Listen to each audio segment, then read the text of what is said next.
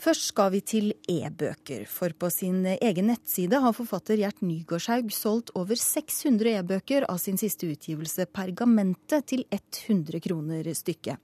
Men da han ville selge flere av bøkene sine via nettsiden, fikk han nei fra forlaget. Og dette reagerer du på i en kronikk i Dagbladet i dag, Nygårdshaug. Hvorfor det?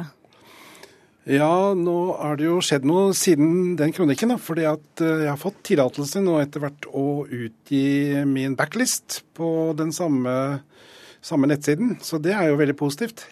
Ja, men Hvorfor er det da så, så viktig for deg å, å, få solgt disse bøkene selv, så at du har fått til dette her i dag? Jo, men altså poenget er ikke at jeg skal selge veldig mye bøker. Poenget er at uh, det er veldig mange forfattere som mener at prisen på e-bøker er latterlig høy. Og den uh, fortjenesten vi forfattere har på e-bøker er veldig liten.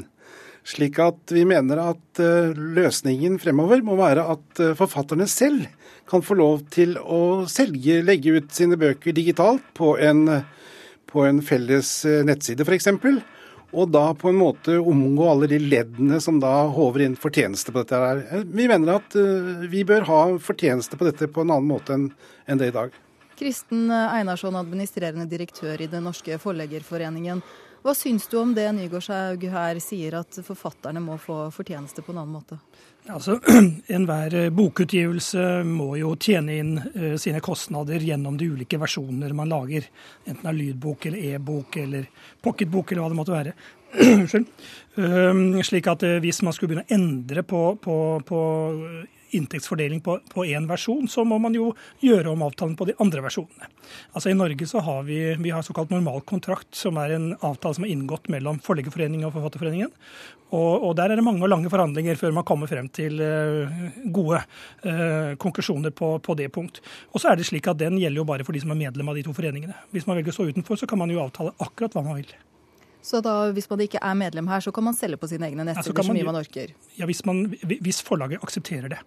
Men eh, Nygårdshaug, du sier nå at du også har fått lov til å eh, selge backup-listen din også på, på, nettet. Er dette en spesialtillatelse kun for deg, eller hva er det som har skjedd nå? Nei, det tror jeg ikke. Altså, jeg mener at alle forfattere bør eh, gjøre det samme som meg. Jeg skjønner heller ikke det Einarsson sier, når han sier at, at f.eks. lydbøker og e-bøker skal være med å dekke utgiftene for, for resten av utgivelsene. Altså, Det er ikke så lenge siden det ikke fantes verken lydbøker eller e-bøker. Og da fikk man jo også trykt sine bøker og solgt dem i bokhandelen. Så dette er jo et merkelig argument. Men hvordan skal forlagene tjene penger da, dersom, eh, dersom, eh, forfatterne selv skal selge bøkene sine? Nei, ikke, vi skal ikke selge bøkene våre, vi skal selge Eller kun e den digitale utgivelsen av ja, e-bøker. Eh, forfatterne kan jo fortsette å selge papirbøker så mye de vil. Og det er vel det de egentlig bør gjøre i fremtiden. I USA har vi nå en trend som går på at, som heter hybrid authors som går på det at forfatterne de utgir sine papirbøker på forlagene, men beholder retten til å selge sine bøker digitalt hvor de måtte ville. Ja, Nygaardshaug, Er dette en modell som man kanskje burde følge her eh, i landet? Ja, du mente meg. Ja, Unnskyld. Jeg mener selvfølgelig Einarsson. Ja.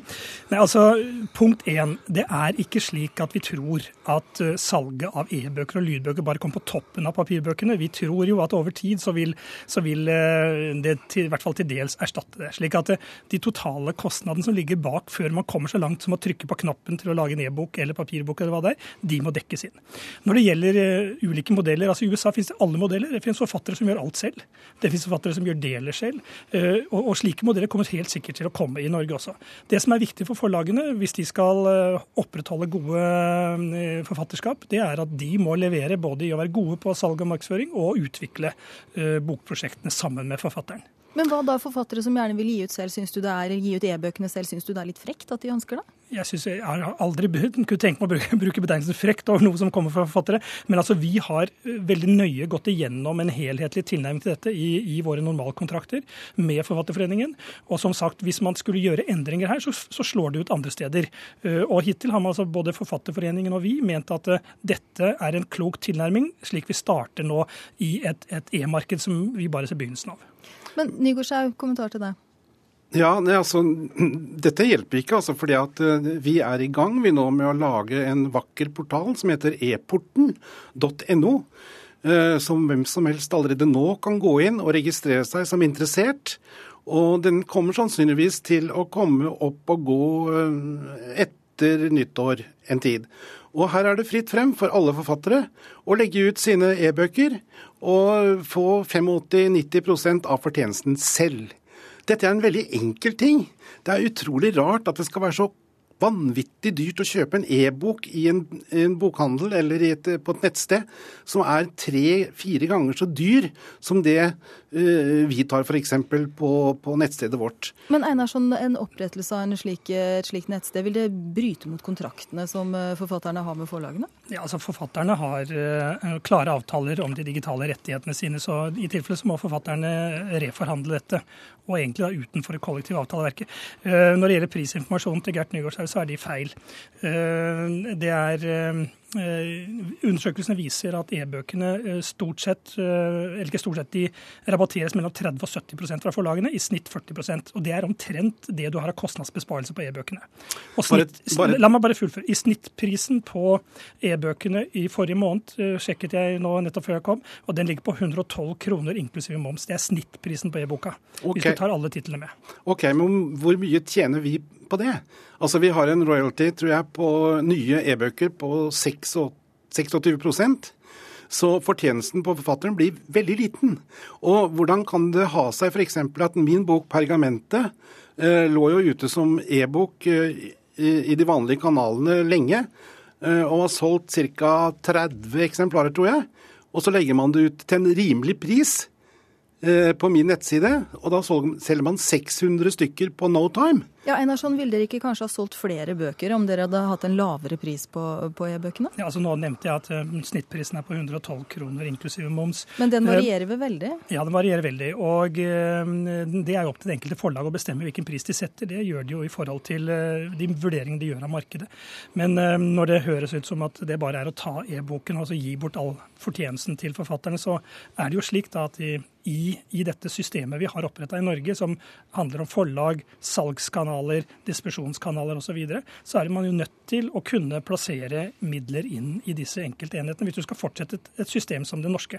Eh, vi ser at eh, i USA og andre steder så blir stadig flere forfattere som vil gjøre alt på egen hånd. Og det er en interessant modell eh, ved siden av. Men det blir vanskelig å se for seg at du skal kunne nyte godt av alle fordelene med å være på et forlag, og så skal man da fjerne deler av inntekten. Det regnestykket går ikke opp.